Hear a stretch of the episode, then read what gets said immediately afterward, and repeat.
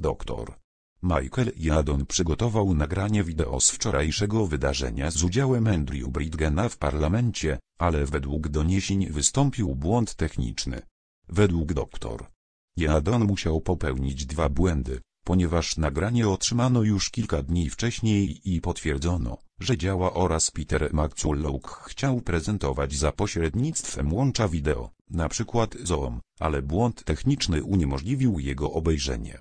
To niewiarygodne, że zawiodło zarówno połączenie, jak i odtwarzanie lokalne. Dlaczego nie chcieli, żebym mówił, pyta. Dlaczego właściwie?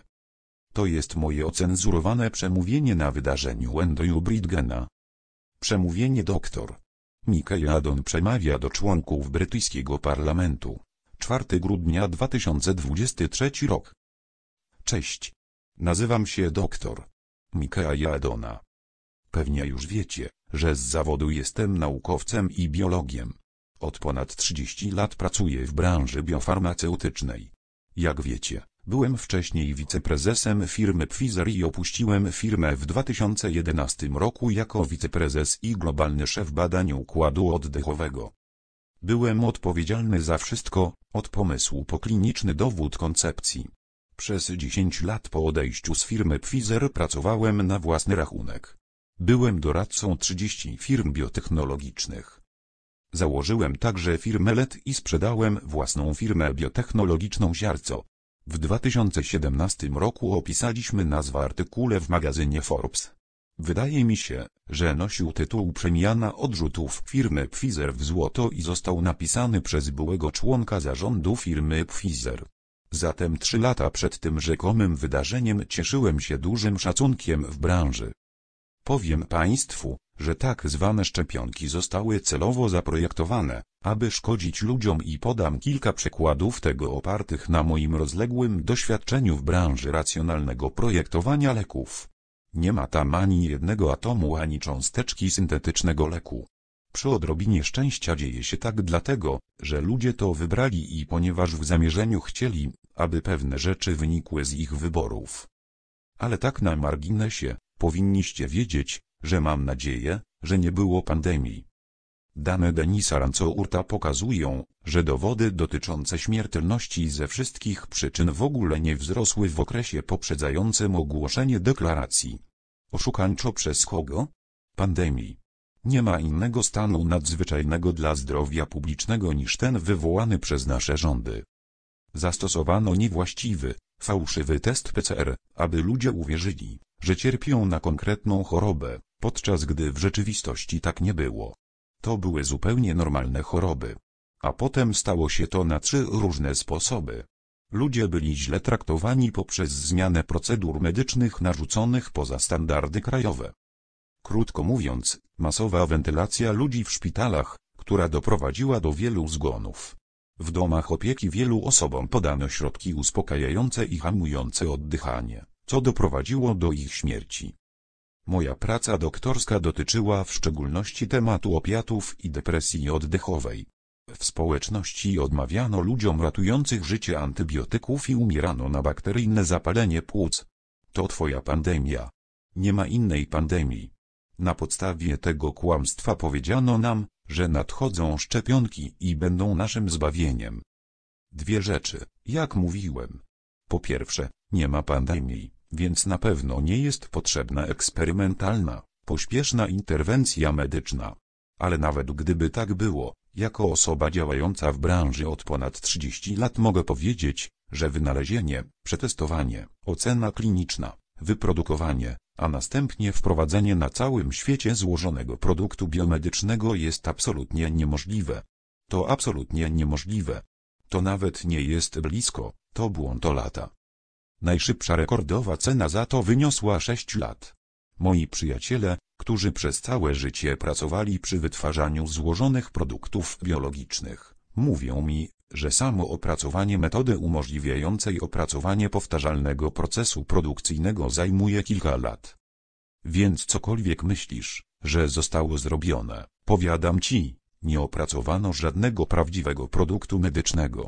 Moim zdaniem doszło do opracowania materiałów, które są celowo toksyczne. a potem zostały pobieżnie opracowane i wepchnięte ludziom w ramiona, często pod przymusem, czasem nawet na rozkaz, co nie było zaskakującym skutkiem, że zginęły miliony ludzi. Nie mam dzisiaj czasu, aby wyjaśnić, co moim zdaniem zrobią w przyszłości, ale wystarczy powiedzieć, że jeśli tego nie zatrzymamy, przyjdą kolejne zastrzyki. Jak powiedziałem, jestem dobrze zaznajomiony ze sztuką racjonalnego odkrywania leków. Dlaczego więc mówię, że te materiały są celowo toksyczne? No cóż, podam pierwszy przykład. Jak myślisz, dlaczego twoje ciało traktuje się dobrze, a gdy zostaje zarażone lub wykryje raka, rozpoczyna wojnę? Odpowiedź brzmi, rozróżnia rzeczy przeznaczone dla niego i rzeczy, które nie są dla niego przeznaczone. Jest doskonale wyszkolony do rozpoznawania i atakowania dziwnych rzeczy, które nie należą do ciebie. Jeśli wstrzykniesz komuś gen kodujący obcą cząstkę białka, na przykład na przykład, jeśli białko kolczaste pochodzi z obcego organizmu, organizm je rozpozna. Każda pojedyncza komórka, która spożywa ten materiał i wyraża obce białko, jest atakowana i zabijana przez twój układ odpornościowy.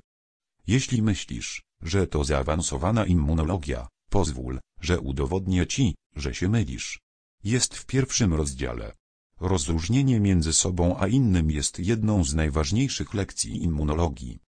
I każda osoba zaangażowana w podawanie tych materiałów lekarzom wiedziała to, co właśnie powiedziałem. Nieuchronnie wyrządzą krzywdę.